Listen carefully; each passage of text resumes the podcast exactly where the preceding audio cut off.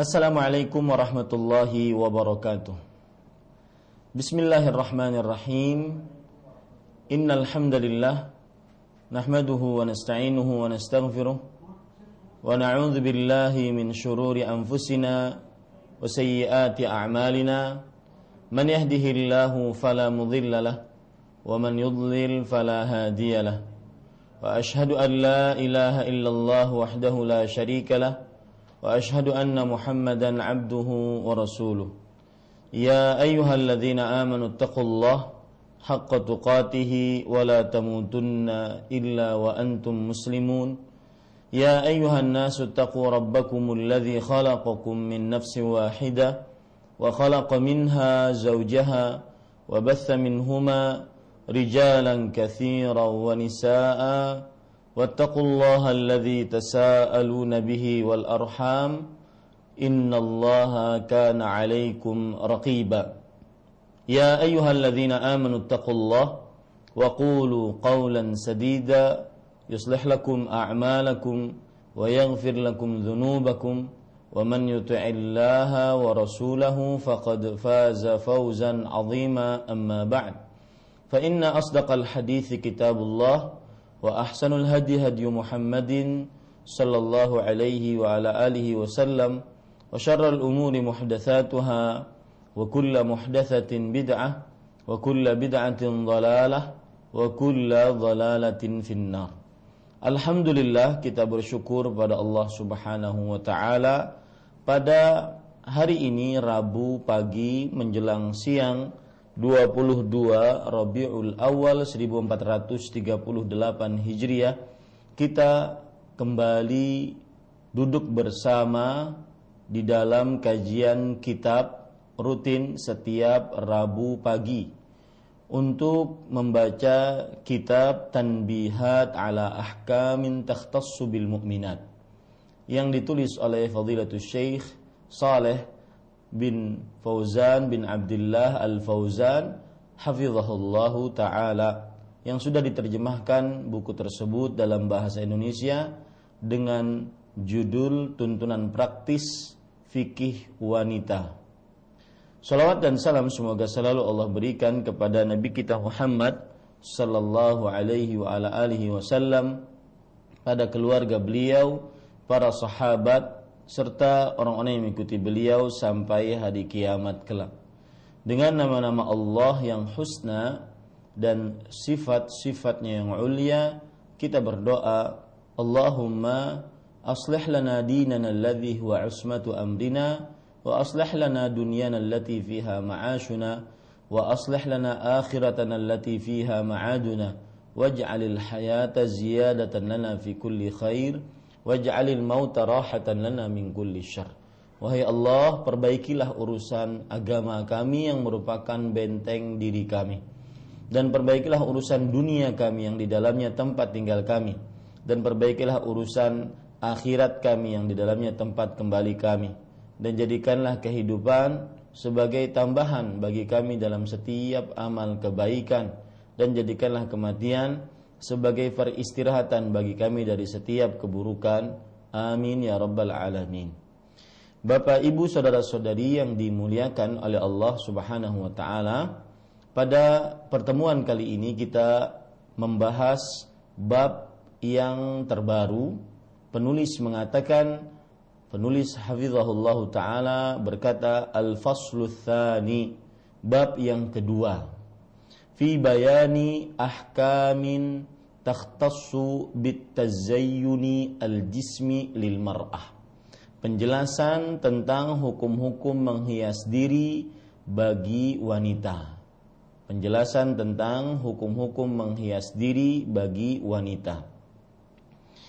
Eh, ibu-ibu, saudari-saudari muslimah dan juga para pendengar Radio Roja dan seluruh kaum muslimin yang mengikuti kajian ini di dalam bab ini penulis menyebutkan beberapa poin ya ada dua poin di dalam bab ini yang disebutkan oleh penulis yaitu bab kedua penjelasan tentang hukum menghias diri bagi wanita terdapat dua poin.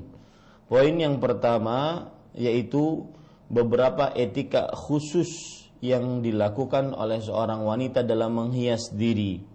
Kemudian poin yang kedua yang berkaitan dengan menghias diri pada bagian rambut. Menghias diri pada bagian rambut. Dan kita mulai membaca apa yang disebutkan oleh penulis Hafizahullah taala beliau berkata minha an taf'ala min khisalil fitrah ma yahtassu biha wa yaliqu biha. Wanita dituntut melakukan beberapa etika agama. Terjemahan di dalam buku kita etika agama.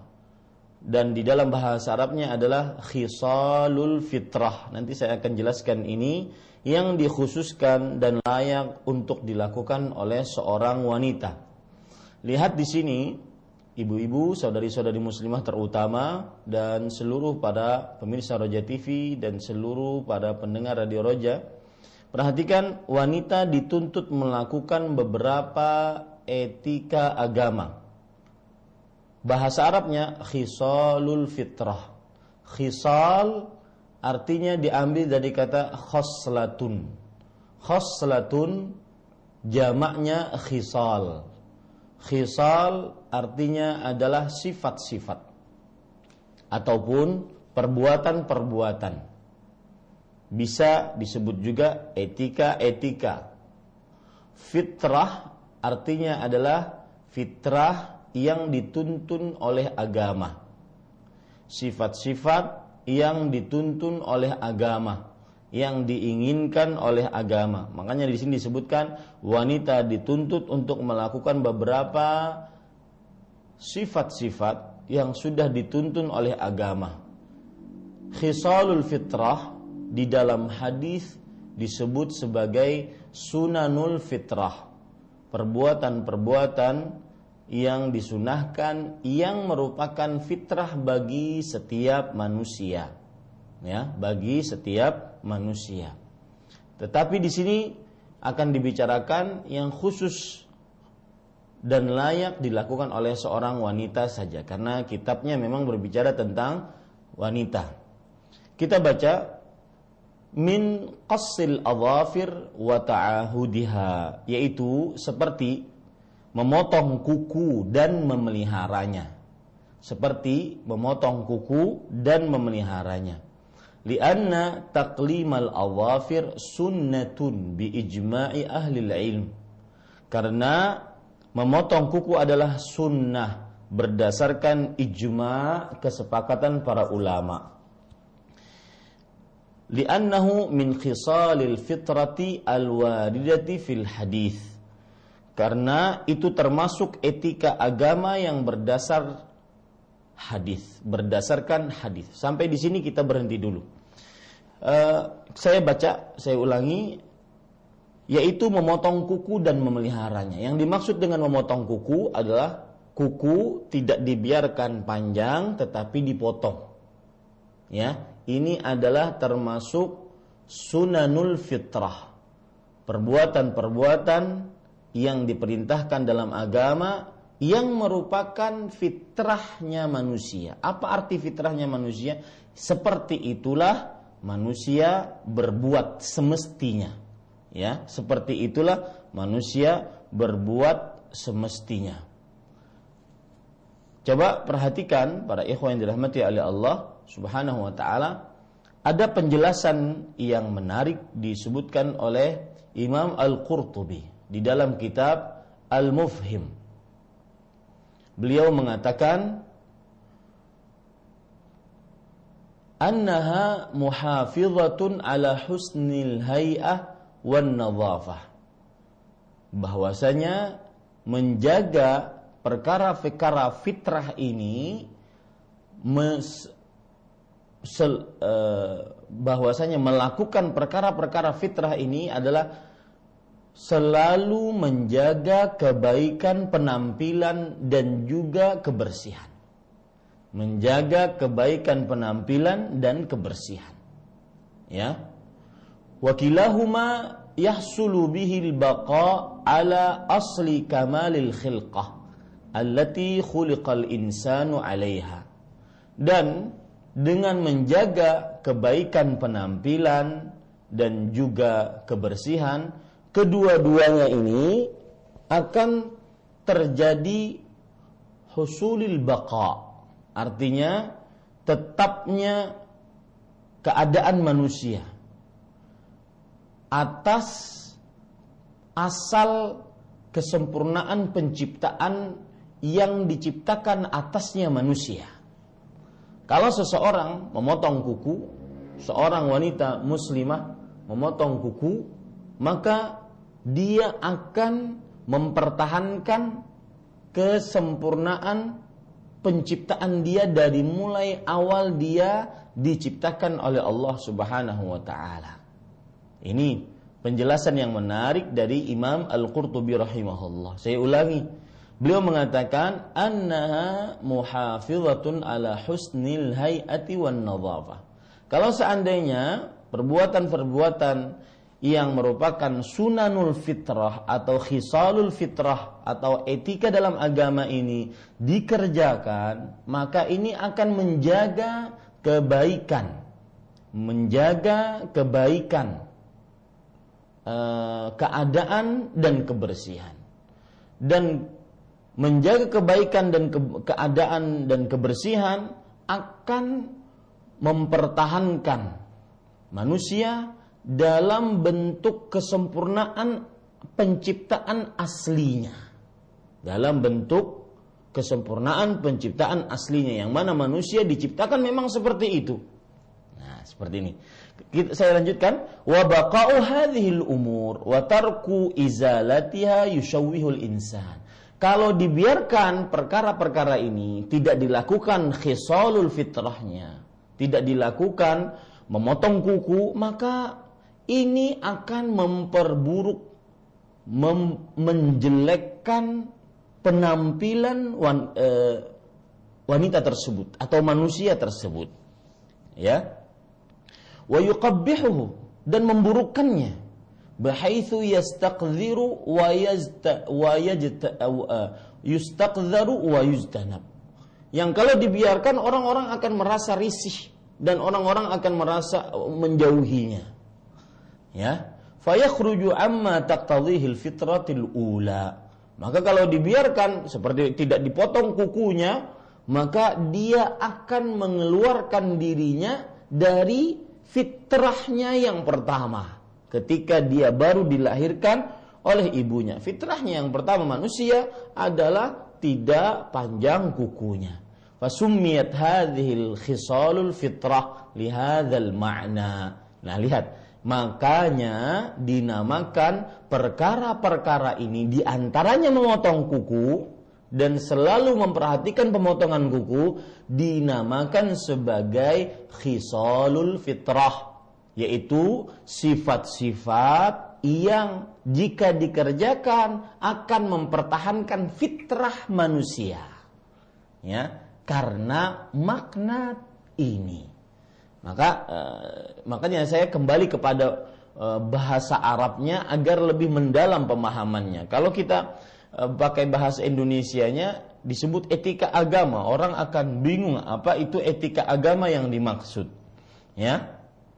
Maka pakai bahasa para ulama disebut dengan khisalul fitrah. Apa? Khisalul fitrah. Khisal jamak dari khoslah Khoslah artinya adalah perbuatan atau kelakuan atau perkara-perkara yang apabila dilakukan maka akan mempertahankan fitrahnya sebagai manusia. Makanya perhatikan para wanita yang panjang kukunya berarti dia sudah keluar dari fitrahnya sebagai manusia pada saat itu. Ya, kalau panjang kukunya diperpanjang, ya apa? Kadang-kadang juga ada kuku-kuku palsu dan semisalnya. Ini ibu-ibu, saudari-saudari muslimah yang dimuliakan oleh Allah Subhanahu wa taala. Baik. Saya uh, lanjutkan yaitu memotong kuku dan memeliharanya. Karena memotong kuku adalah sunnah berdasarkan ijma' dalam tanda kurung kesepakatan ulama. Uh, Bapak Ibu saudara-saudari yang dimuliakan oleh Allah Subhanahu wa taala, para pemirsa Raja TV dan seluruh kaum muslimin yang mengikuti kajian ini, lihat di sini karena memotong kuku adalah sunnah. Arti sunnah ini ya bisa berarti dua. Arti sunnah di sini bisa berarti dua. Yang pertama, sunnah artinya adalah ajaran Rasulullah sallallahu alaihi wa alihi wasallam. Sebagaimana dalam hadis riwayat Bukhari, Rasulullah sallallahu alaihi wasallam bersabda, "Faman raghiba an sunnati falaysa minni." Barang siapa yang membenci sunnahku, maka bukan dariku. Kata sunnah di sini maksudnya adalah ajaran Rasulullah Sallallahu Alaihi Wasallam yang dibawa oleh beliau. Baik ajaran tersebut terdapat dalam Al-Quran atau hadis Rasul Sallallahu Alaihi Wasallam yang sahih. Ya, arti sunnah yang kedua yaitu lidul wajib. Artinya kebalikan dari kewajiban. Apa arti kewajiban? Perbuatan yang dilakukan oleh orang-orang yang dibebani tanggung jawab untuk beribadah. Yang apabila ditinggalkan dengan sengaja maka akan dicela oleh syariat. Itu arti wajib.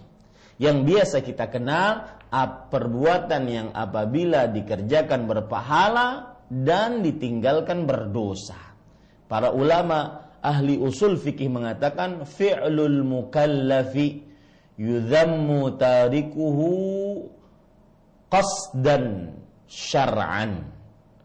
Perbuatan yang dibebankan kepada orang-orang yang mukallaf yang apabila ditinggalkan dengan sengaja dicela oleh syariat. Dan nilainya jika dikerjakan mendapatkan pahala, ditinggalkan berdosa. Nah, sedangkan sunnah tidak perbuatan yang dikerjakan oleh orang-orang yang dibebani untuk beribadah, tetapi jika ditinggalkan dengan sengaja tidak dicela oleh syariat. Nah, Bapak, Ibu, saudara-saudari yang dimuliakan oleh Allah Subhanahu wa taala, di sini penulis mengatakan karena memotong kuku adalah sunnah. Sunnah di sini bisa dua artinya. Sunnah yaitu merupakan ajaran Rasulullah Sallallahu Alaihi Wasallam atau sunnah yaitu perbuatan yang dikerjakan oleh seorang mukallaf, seorang yang dibebani untuk beribadah. Jika ditinggalkan dengan sengaja maka dia tidak berdosa. Akan tetapi sangat dianjurkan untuk mengerjakannya. Maka Bapak, Ibu, saudara-saudari yang dimuliakan oleh Allah, dari dua makna sunnah yang saya sebutkan, lebih condong kepada makna yang pertama dalam perkataan penulis ini. Karena memotong kuku adalah sunnah, yaitu ajaran Nabi Muhammad Sallallahu Alaihi Wasallam berdasarkan ijma. Ijma, apa itu ijma? Para ulama usul fikih mengatakan ijma adalah kesepakatan para ulama Islam sepeninggal Rasulullah Sallallahu Alaihi Wasallam dalam perkara-perkara agama.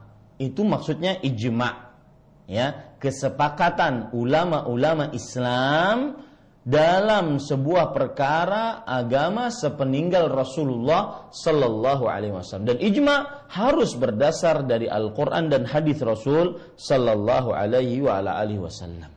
Nah sampai di sini mudah-mudahan bisa dipahami ya yaitu sekali lagi wanita dituntut melakukan beberapa etika agama. Ingat kata-kata etika agama maksudnya apa? Khisalul fitrah apa arti khisal fitrah? Perbuatan, kelakuan yang apabila dilakukan maka menunjukkan kepada fitrah manusia. Menunjukkan kepada fitrahnya manusia. Kalau tidak dilakukan maka akan memperburuk keadaannya, penampilannya dan mengeluarkan dia dari fitrahnya sebagai manusia yang diciptakan pertama kali seperti itu. Ini ya yang dikhususkan dan, layak untuk dilakukan oleh seorang wanita seperti yaitu memotong kuku dan memeliharanya. Maksudnya memotong kuku dan selalu memelihara pemotongan kuku tersebut, ya Bukan berarti memeliharanya tidak, memotong kuku dan selalu memperhatikan pe, pe, waktu pemotongan kuku. Nanti kita akan jelaskan berapa lama memotong kuku yang disebutkan oleh para ulama rahimahumullahu taala. Karena memotong kuku adalah sunnah berdasarkan ijma.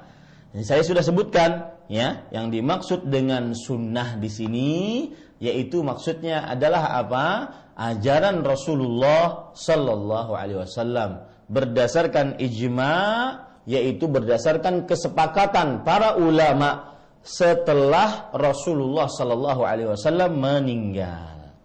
Ini Bapak Ibu saudara-saudari yang dimuliakan oleh Allah. Kita lanjutkan apa yang disebutkan oleh penulis. Li'annahu min khisalil fitratil waridati fil hadis dan itu termasuk etika agama Lihat di sini penulis memakai kata-kata khisalul fitrah. Karena itu termasuk etika agama yang berdasarkan hadis. Apa hadis-hadisnya? Perhatikan beberapa hadis yang menunjukkan khisalul fitrah. Etika-etika yang dikerjakan yang apabila dikerjakan maka tetap me, akan tetap menjadikan manusia di atas fitrahnya.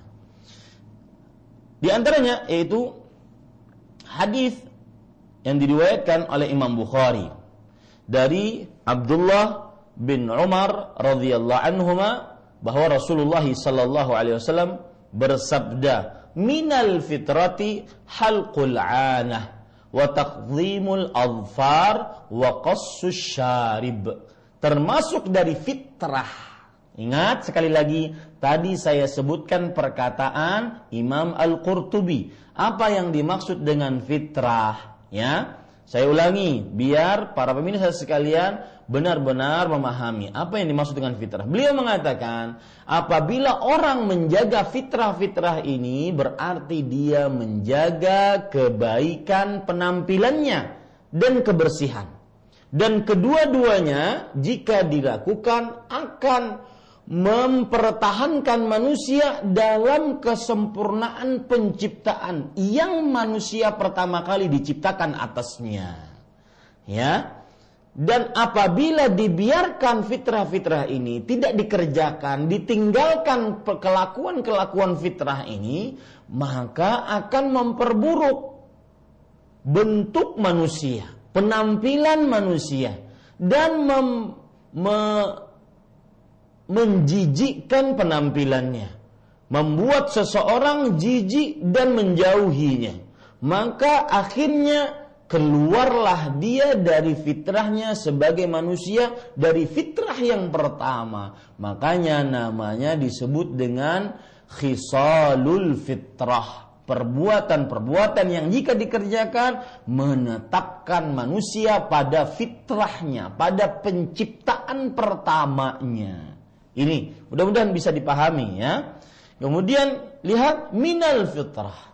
Termasuk dari fitrah. Apa arti fitrah tadi? Yaitu perbuatan-perbuatan yang dilakukan jika dilakukan oleh manusia maka dia akan tetap dalam bentuk pertama kali yang Allah ciptakan atasnya. Yaitu pertama halqul anah. Meng Gundul menghabiskan bulu kemaluan, mohon maaf. Wa taqlimul dan memotong kuku. Karena ketika kita bayi baru lahir dari rahim ibu kita, kita tidak mempunyai bulu-bulu kemaluan. Maka dihabiskan. Berarti dengan dihabiskan kita akan mempertahankan bentuk kita ketika pertama kali Allah Subhanahu wa taala menciptakan kita. Wa taqlimul memotong kuku sebagaimana yang kita bicarakan sekarang. Memotong kuku yaitu apabila seseorang senantiasa selalu memperhatikan pemotongan kuku berarti dia memperhat, mempertahankan keadaan dia, bentuk dia sebagaimana dia diciptakan oleh Allah Subhanahu wa taala pertama kali dan itulah yang disebut dengan apa? fitrah. Nah. Wa syarib dan menipiskan kumis. Ya, ini terutama bagi laki-laki.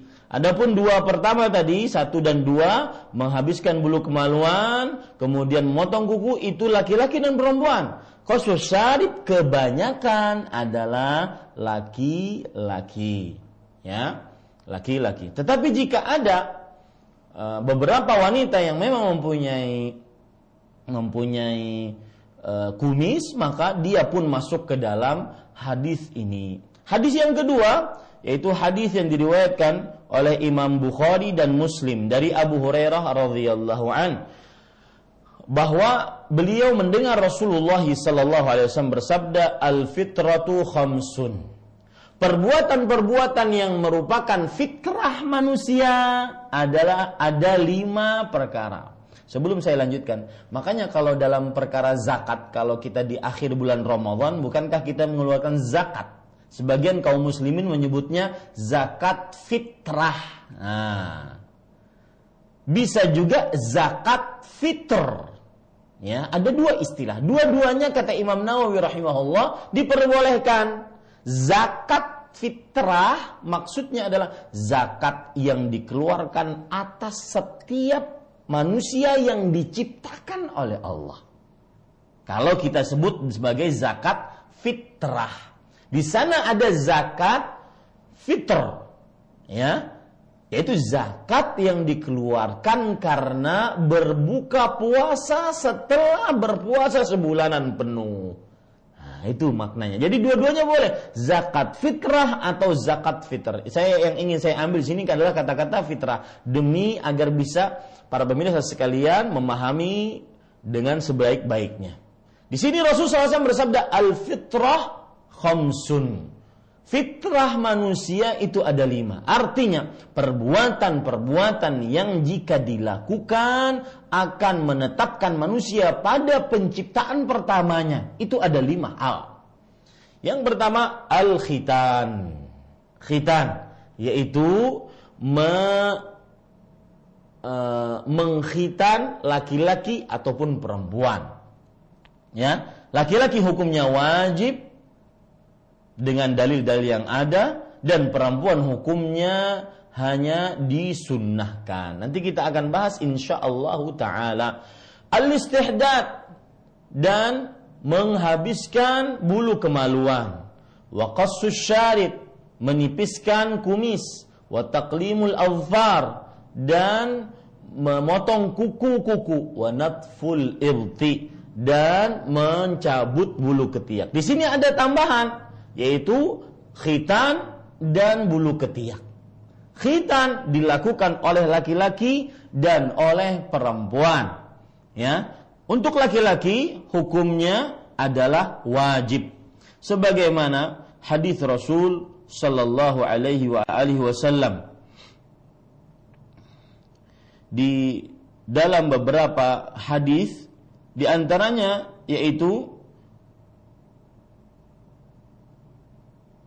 dalam hadis riwayat Imam Bukhari bahwa ikhtatana Ibrahim alaihi salam wa huwa benu 80 sanah bil qaddum.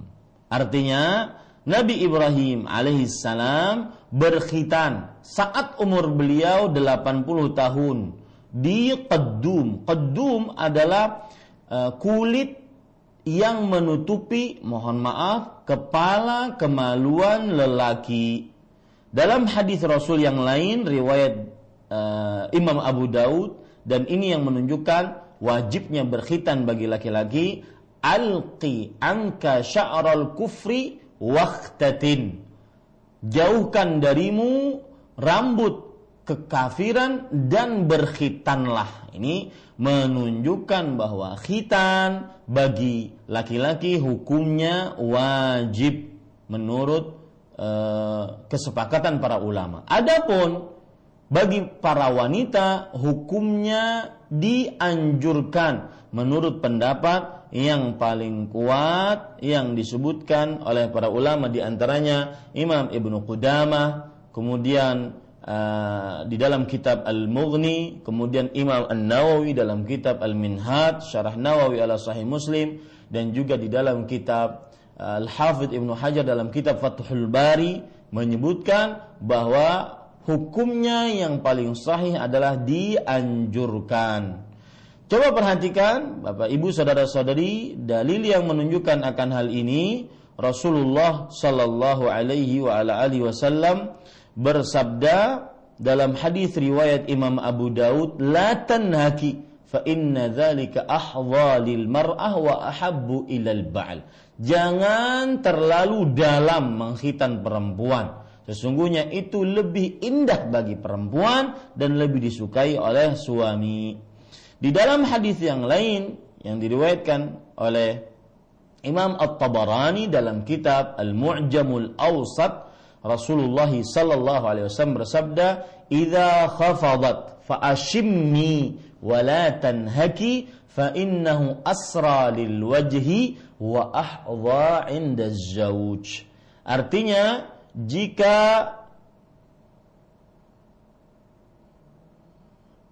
khafadat yaitu jika berkhitan bagi wanita faashimmi maka potonglah sedikit dari e, kemaluan atas perempuan tersebut. Walatan haki dan jangan terlalu berlebihan dalam memotongnya. Fa innahu asra lil wajhi. Sesungguhnya itu lebih mencerahkan wajah. Wa ahwa inda zauj. Dan lebih e, disukai bagi para suami. Nah, ini Bapak Ibu saudara-saudari yang dimuliakan oleh Allah. Taib.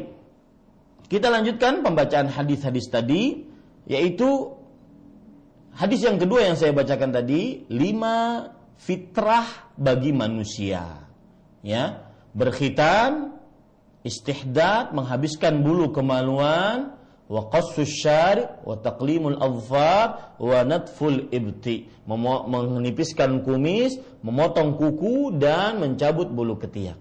Yang dilakukan dari lima ini semuanya dilakukan oleh perempuan. Kecuali jika perempuan tidak memiliki kumis maka dia dibiarkan saja e, tidak dipendekkan. Karena memang tidak ada kumisnya. Di sana ada hadis yang lain, riwayat Imam Muslim dari Aisyah radhiyallahu anha bahwa Rasulullah sallallahu alaihi wasallam bersabda ashrun minal fitrah.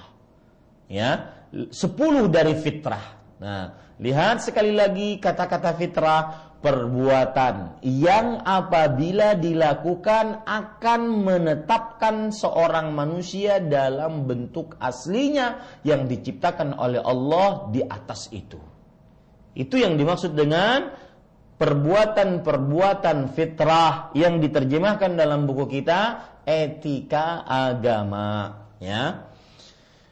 Yang pertama ini ada 10 kalau tadi tiga, lima, kemudian ini sepuluh. Berarti tambahannya ada banyak. Qasus syarib. Menipiskan kumis. Itu sudah. I'fa'ul lihyah. Memanjangkan jenggot. Ini bagi laki-laki.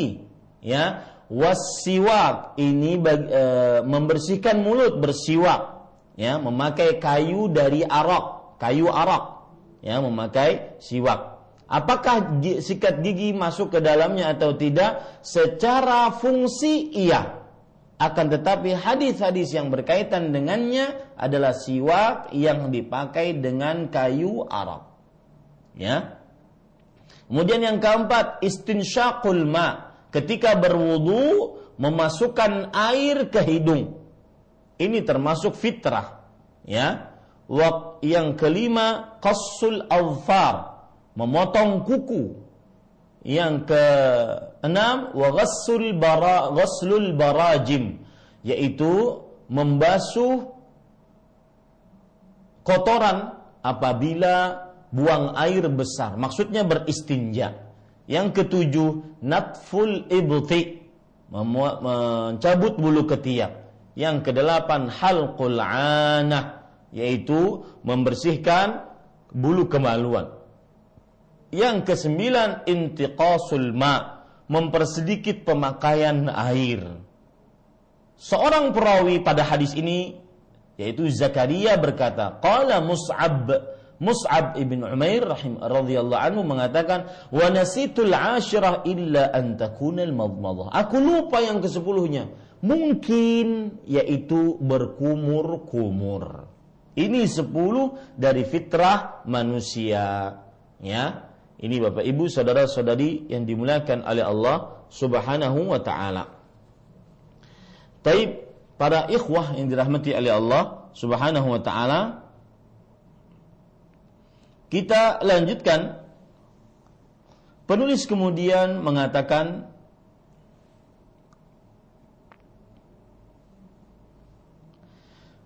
walima fi izalatiha minan nadhafati wal husni. Kata penulis hafizahullah eh, sedangkan membuang ujung kuku merupakan kebersihan dan keindahan. Karena di dalam memotong kuku terdapat kebersihan dan keindahan kalau kukunya panjang maka terdapat kotoran ya kemudian juga tidak mendatangkan keindahan dan seorang muslim senantiasa harus menjauhkan dirinya dari bahaya. Rasulullah Shallallahu alaihi wasallam bersabda dalam hadis riwayat Imam Abu Daud, "La dharara wa la dhirar." Tidak ada bahaya dan tidak mendatangkan bahaya apabila kuku panjang maka akan menyimpan kotoran-kotoran yang menyebabkan kadang-kadang mempengaruhi makanan-makanan yang masuk ke dalam perut kita dari sisi Eh, kebersihannya. Kemudian juga tidak indah. Seorang muslim senantiasa memperhatikan keindahannya.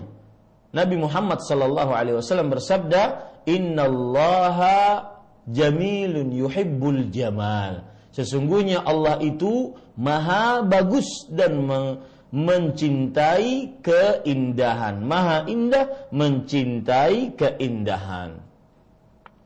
Kemudian penulis mengatakan, Wama fi baqaiha tawilatun minat tashwish. Sedang membiarkannya memanjang termasuk hal yang merusak pemandangan. Wat tashabbuhi dan menyerupakan diri dengan binatang buas. Para ikhwah yang dirahmati oleh Allah Subhanahu wa taala bahwa kita seorang muslim sebagaimana yang sudah saya sebutkan uh, dilarang untuk tidak memperhatikan uh, kebaik apa namanya kebagusan, kebersihan, penampilan, ya dilarang.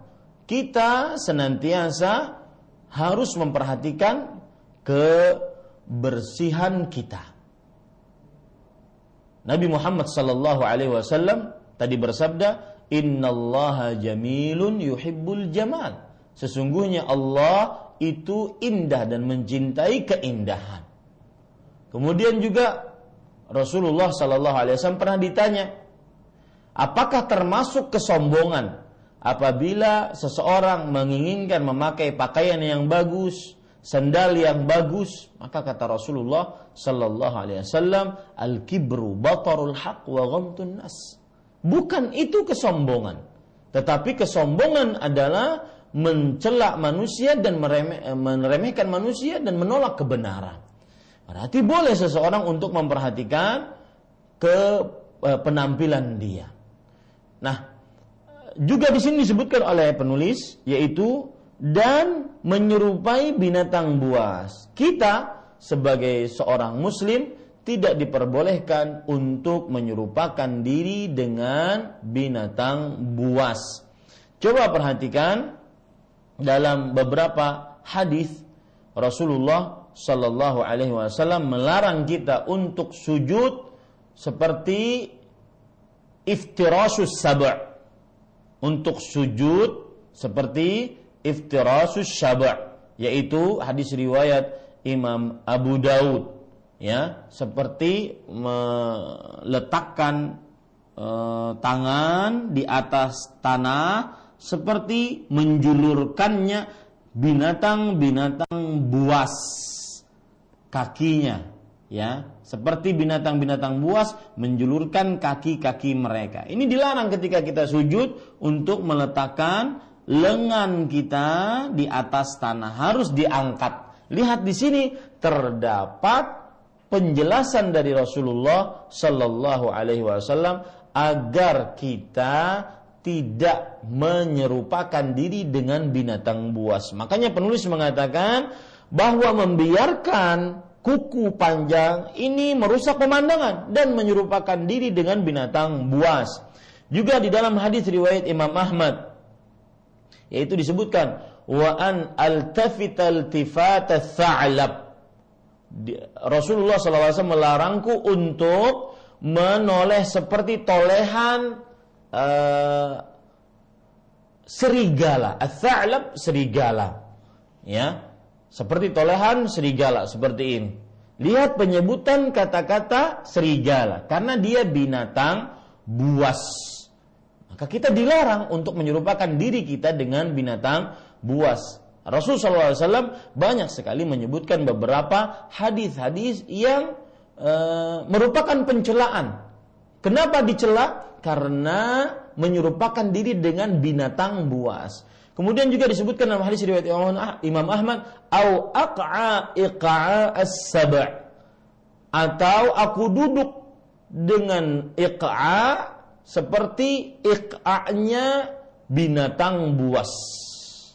Aku duduk dengan iq'a seperti iq'anya binatang buas. Iq'anya binatang buas seperti apa? Ini kaki diangkat ke atas dua-duanya Ya, para ulama mengatakan iqa artinya nasbus saqain wa wad'ul ilyataini 'alal ard yaitu menegakkan dua betis dan meletakkan dua pipi pantat di atas bumi, di atas tanah. Jadi dilarang.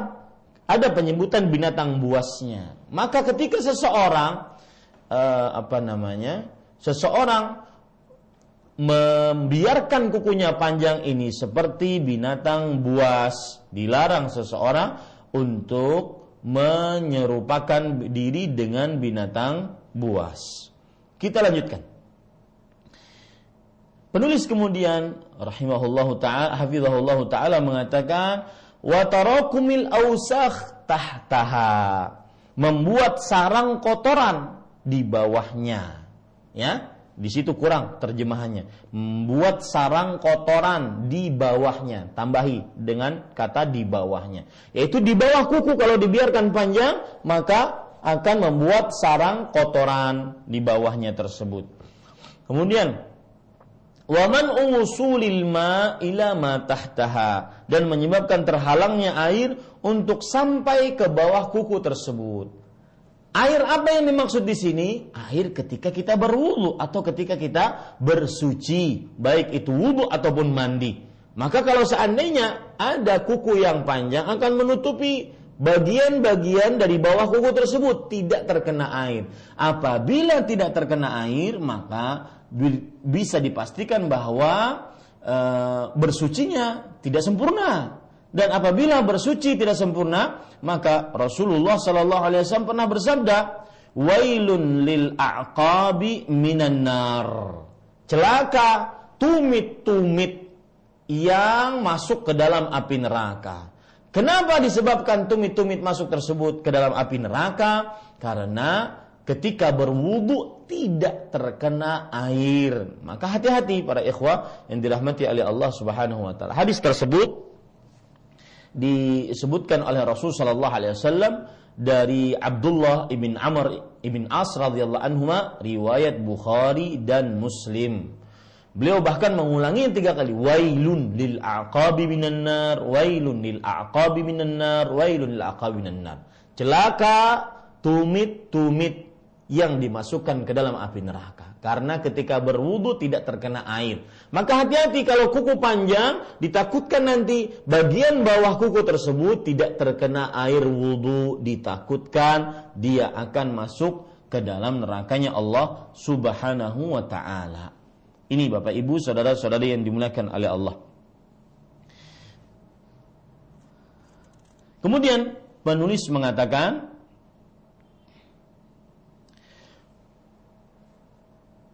Wa ba'dul muslimat qad ibtulina bitatwilil adhafir. Sebagian wanita muslimah telah terperangkap melakukan pemanjangan kuku taklidan lil kafirat dalam rangka mencontoh wanita-wanita kafir wajahlan bis sunnah dan juga disebabkan mereka tidak mengenal etika yang disunahkan tersebut. Di sini berarti terdapat dua pelanggaran. Jika seseorang wanita memanjangkan kuku berarti dia tidak mengerjakan khisalul fitrah, etika yang merupakan fitrah manusia. Ya, baik laki-laki ataupun perempuan memotong kuku. Yang kedua, menyerupakan diri dengan wanita-wanita kafir. Ya. Kita sebagai seorang muslimah dilarang untuk bertasyabuh dengan wanita-wanita kafir. Rasulullah Sallallahu Alaihi Wasallam bersabda di dalam hadis yang diriwayatkan oleh Imam Abu Dawud, "Man tashabbaha biqaumin fahuwa minhum." Barang siapa yang menyerupakan diri dengan suatu kaum, maka dia bagian dari kaum tersebut. Ya, dia bagian dari kaum tersebut. Uh, ada penjelasan menarik dari Syekhul Islam Ibn Taimiyah terhadap hadis ini.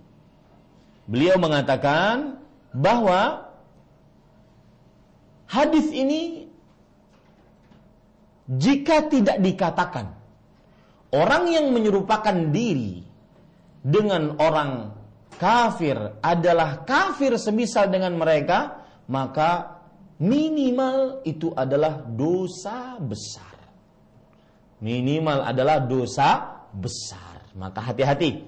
Ya, jika tidak dikatakan dia kafir karena semisal dengan orang kafir, fahuwa minhum maka dia bagian dari mereka. Hadisnya jelas. Maka dikatakan dia adalah dosa besar. Maka hati-hati para ikhwah yang dirahmati oleh Allah Subhanahu wa taala.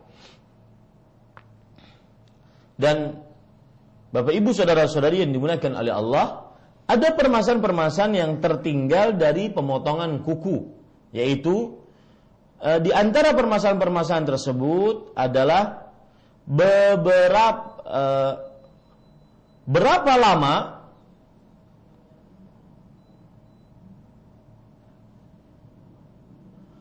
berapa lama kita memotong kuku atau dianjurkan untuk memotong kuku ya? Berapa lama?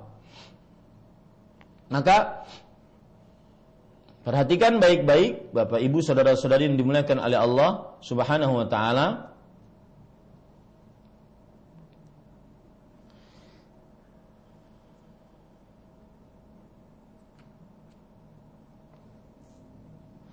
tidak disyariatkan meninggalkan pemotongan kuku lebih banyak dari 40 hari. Hmm.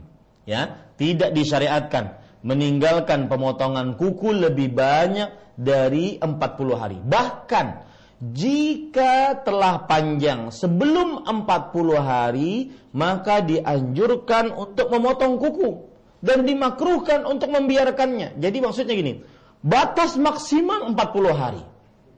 Tetapi jika terlihat panjang sebelum 40 hari, maka dianjurkan untuk memotongnya. Dimakruhkan membiarkannya kalau panjang sebelum 40 hari.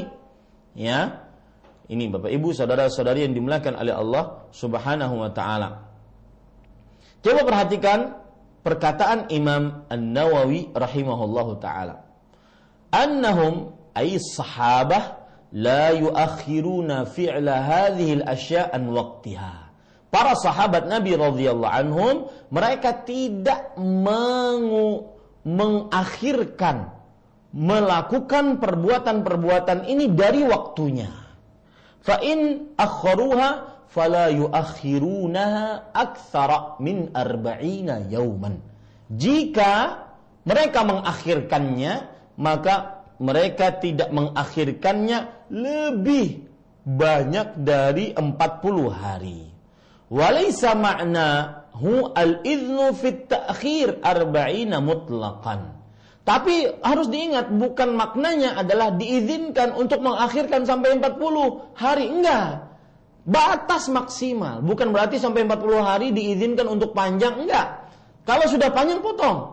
Ya, dan bahkan dimakruhkan kalau seandainya dibiarkan. Ya. Wal afdal taqlimul adhafir kullu usbu kullu usbu'in. Dan yang lebih utama adalah memotong kuku setiap pekan. Wadhabitu fi dzalika at-tul. Yang menjadi ukuran standar kapan dipotong, kapan tidak dipotong adalah panjang. Famata talat qallamaha. Kapan kuku-kuku itu panjang, maka dipotongi. Wadzalika yakhtilafu bi ikhtilafil ashkhas wal ahwal. Dan yang seperti itu berbeda-beda sesuai uh, berbeda-beda setiap orang dan setiap keadaan. Ini para ikhwah yang dirahmati oleh Allah Subhanahu wa taala. Coba perhatikan sekarang ada hadis yang berkaitan dengan panjangnya kuku, ya. Hadis yang diriwayatkan oleh Imam Al-Baihaqi, Imam At-Tabarani dari Abu Ayyub Al-Azdi. Beliau bercerita, "Ja'a rajulun ila Nabi sallallahu alaihi wasallam yas'aluhu an khabaris sama'." Datang seseorang kepada Rasulullah Sallallahu Alaihi Wasallam bertanya tentang kabar langit, yaitu wahyu. Lalu Rasulullah Sallallahu Alaihi Wasallam bersabda, "Yas'alu ahadukum an khabari sama wa adfaruhu ka adfari tayr tajtami'u fiha al-janabah wal tafas." Ah, subhanallah. Salah seorang dari kalian datang bertanya tentang kabar langit, tetapi kuku-kukunya panjang seperti panjangnya burung, seperti panjangnya kuku burung. Ya, terkumpul di dalamnya al-janabah. Ya, junub-junub yang belum uh, dibersihkan secara uh, secara lengkap dan juga kotoran-kotoran. Al-Hafidh Ibnu Hajar Al-Asqalani rahimahullah menyebutkan tentang hadis ini di dalam kitab Al-Matalibul Aliyah dan hadisnya mursal. Artinya hanya sampai kepada sahabat Rasulullah Sallallahu Alaihi Wasallam mursal ya tidak sampai uh, apa hadis ini diriwayatkan oleh seorang tabi'i tidak sampai kepada sahabat. Hadis mursal. Pada ikhwan yang dirahmati oleh Allah jumhur ulama berpendapat memakruh memanjangkan kuku ya. Makruh memanjangkan kuku apalagi lebih dari 40 hari lebih dimakruhkan lagi bahkan sebagian ada yang berpendapat haram ya. Dan Imam Ash-Shawqani rahimahullah di dalam kitab beliau Nailul Autar menyebutkan keharaman memanjangkan kuku lebih dari 40 hari. Dan uh, asal hukumnya berdasar dari hadis riwayat Imam Ahmad Imam Abu Daud dari Anas bin Malik radhiyallahu anhu beliau berkata waqata lana Rasulullah sallallahu alaihi wasallam fi qassis syarib wa qalmil dhufri wa natfil ibti wa halqil ana alla natruka syai'an min dhalika arba'ina lailatan artinya Rasulullah Sallallahu Alaihi Wasallam memberikan waktu kepada kita dalam menipiskan kumis, memotong kuku, mencabut bulu ketiak, menghabiskan bulu kemaluan, tidak meninggalkan sesuatu dari hal itu semua sedikit pun lebih banyak dari 40 hari. Dalam riwayat Muslim disebutkan dalam dengan lafaz wuqitalana, diberikan waktu untuk kita. Ini para ikhwan yang dirahmati oleh Allah Subhanahu wa taala. Makanya Imam An-Nawawi rahimahullah ya di dalam kitab Al-Majmu' Syarh Muhadzab wa amma tawqitu fi taqlimil adfar fahuwa mu'tabarun bituliha. Hati-hati. Pembatasan 40 tadi bukan pembatasan maksimalnya. Jadi boleh orang memanjangkan kuku sampai 40 hari. Enggak, bukan begitu pemahamannya. Pemahamannya adalah seseorang kapan kukunya panjang dipotong. Ya, batas paling maksimal tidak memotong kuku 40 hari. Tapi kapan panjang dipotong? Kalau dibiarkan makruh, lebih makruh lagi bahkan bisa haram kalau lebih 40 hari dibiarkan. Ya, ini pada ikhwah. Lihat penjelasan dari Imam Nawawi rahimahullah, famata talat qallamaha. Kapan panjang dipotong. Ya. Jadi yang menjadi ukurannya adalah panjangnya, bukan 40 tadi. Wa yakhtalifu dzalika bi ikhtilafil ashkhas wal ahwal dan itu berbeda-beda sesuai dengan perbedaan orang dan keadaan. Wa babitu fi qassis syarib dan demikianlah uh, sandaran di dalam menipiskan kumis dan juga mencabut bulu ketiak wa halqil ana dan menghabiskan bulu kemaluan. Fa inna qaulahu waqita lana Sab, adapun sabda Rasulullah sallallahu alaihi wasallam uh, di berikan waktu untuk kami kaqauli sahabi amarana bikadza wa nuhina an kadza yaitu seperti perkataan seorang sahabat Rasul sallallahu alaihi wasallam yang berbunyi kita diperintahkan seperti ini dan kita dilarang akan ini. Wahwa marfu'un. Dan ucapan-ucapan seperti itu sampai kepada Rasulullah sallallahu alaihi wasallam. Kaqaulihi sebagaimana sabda beliau qala lana Rasulullah sallallahu alaihi wasallam ala madhhabis sahih alladhi alaihi jumhur sebagaimana ketika Rasul sallallahu alaihi wasallam bersabda eh, ketika seorang sahabat berkata Rasulullah sallallahu alaihi wasallam berkata kepada kami sebagaimana yang menurut pendapat madhab yang paling sahih yang masyhur dari para ulama. Ya jadi beliau membicarakan kata-kata tadi wuqitalana atau waqatalana Rasulullah. Itu seperti Rasulullah SAW berkata ber, e, berkata kepada kami Rasulullah Wasallam. Jadi hukumnya e, sampai kepada Rasulullah Wasallam Kemudian Imam Nawawi mengatakan Laisa ma'nahu al-idnu fit ta'khir arba'ina yawman. Hadis tadi bukan berarti diizinkan untuk mengakhirkan tidak memotong kuku sampai 40 hari, bukan. Sekali lagi itu bukan ya, batasan maksimal boleh eh batasan maksimalnya 40 hari. Kalau lewat bisa makruh sangat makruh ataupun haram. Tetapi yang menjadi ukuran sekali lagi adalah panjang. Ini para ikhwan yang dirahmati oleh Allah Subhanahu wa taala.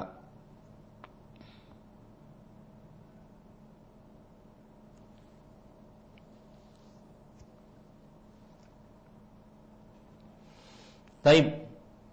Kemudian Bapak Ibu saudara-saudari yang dimuliakan oleh Allah Subhanahu wa taala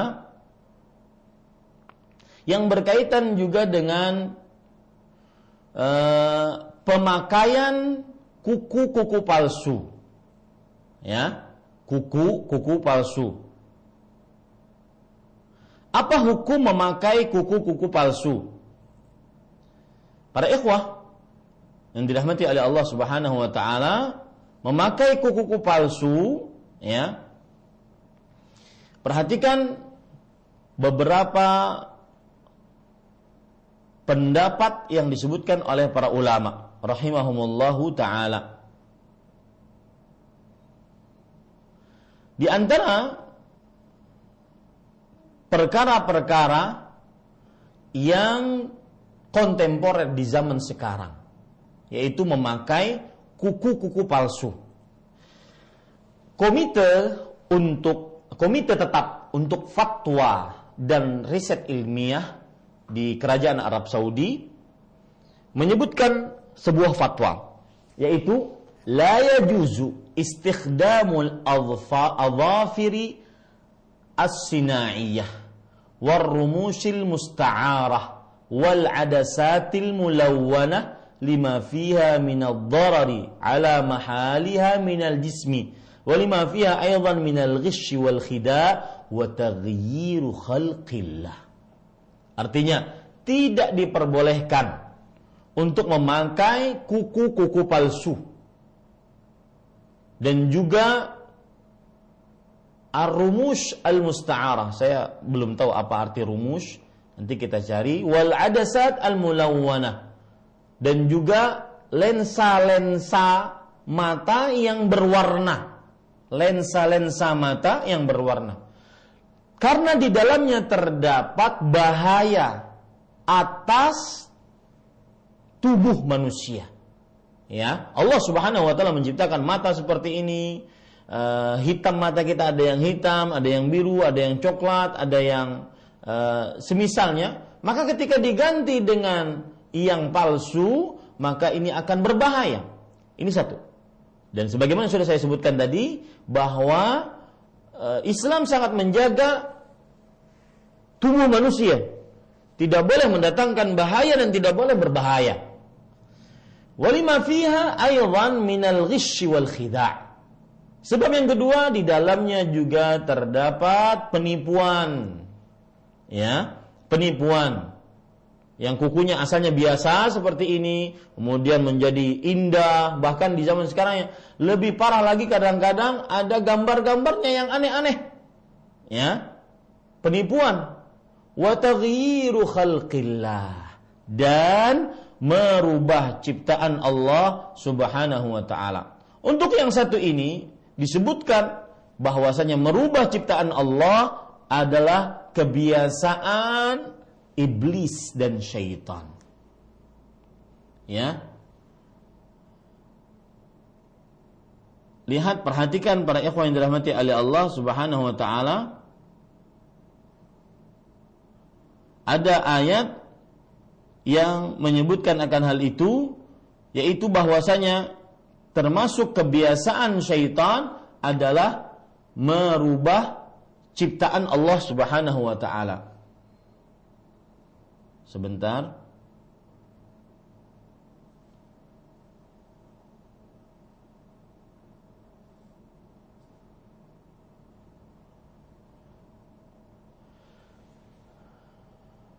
Ada ayat yang saya agak lupa menyebutkan e, bahwa kebiasaan syaitan kenapa mereka sampai dilaknat oleh Allah Subhanahu wa taala? E, wala ughayyirunna khalqallah. Sebentar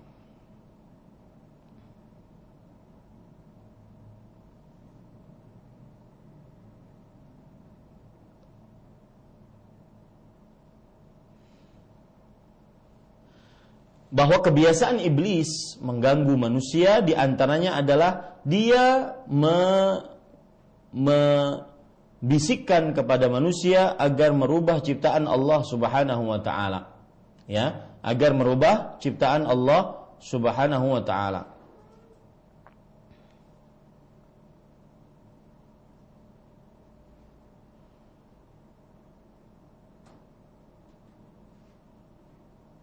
Ya, surat An-Nisa ayat 119. An-Nisa ayat 119. Coba perhatikan saya bacakan dari mulai uh, surat An-Nisa ayat 117 ya. An-Nisa ayat 117. Allah Subhanahu wa taala berfirman dalam surat An-Nisa ayat 117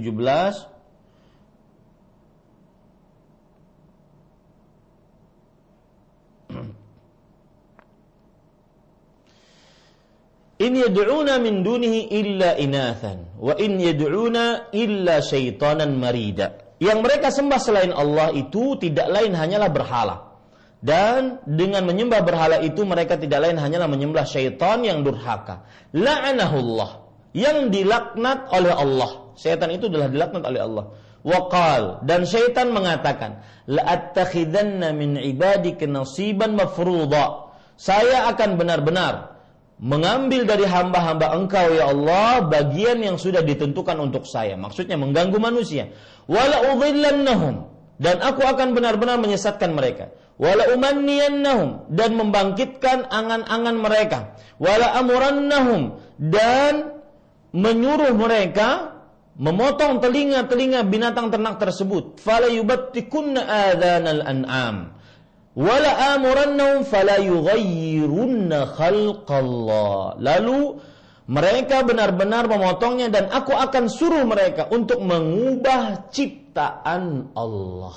Lihat, Ini para ikhwan yang dirahmati oleh Allah Subhanahu wa taala. Kebiasaan syaitan iblis merubah ciptaan Allah. Maka uh, juga di dalam hadis Rasul sallallahu alaihi wasallam, la'anallahu al-washimat wal mustawshimat namisat al mutanammisat wal lil.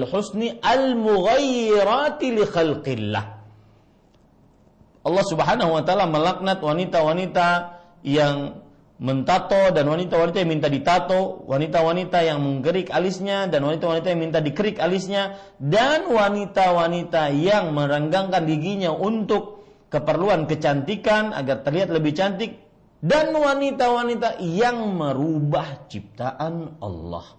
Maka para ikhwan yang dirahmati oleh Allah eh, memakai kuku palsu ini termasuk daripada merubah ciptaan Allah Subhanahu wa taala. Lihat lagi uh, perkataan Imam Ibn Utsaimin rahimahullahu taala di dalam fatwa Nurun 'ala Darb. Ar-rumush as-sina'iyyah la tajuz. لأنها تشبه الوصل أي وصل شرع الرأس. وقد لعن النبي صلى الله عليه وسلم الواصلة والمستوصلة. artinya memakai rambut palsu wig. Nah, rumus sinaiyah. Kalau dalam bahasa Arab wig itu rumus sinaiyah. Tidak diperbolehkan karena menyerupakan dengan menyambung rambut. Ya dan menyambung rambut telah dilaknat oleh Rasulullah sallallahu alaihi wasallam. Ini pada ikhwan yang dirahmati oleh Allah Subhanahu wa taala.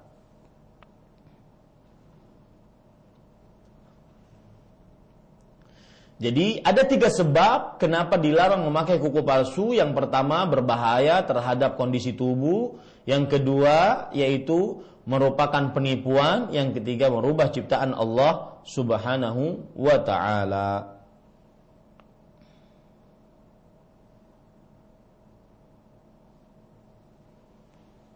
Taib. Kira-kira itu yang bisa saya sampaikan. Bapak Ibu saudara-saudari yang dimuliakan oleh Allah, insya Allah taala pada pertemuan yang akan datang kita akan membahas tentang lebih dalam masalah e, perhiasan wanita atau wanita berhias, hukum-hukum khusus untuk wanita berhias di antaranya itu permasalahan rambut yang sangat erat dengan perempuan. Ini yang bisa saya sampaikan wallahu alam wa sallallahu nabiyana Muhammad walhamdulillahi rabbil alamin. Saya Eh, kembalikan acara kepada saudara Ari hafizahullahu taala. Nah.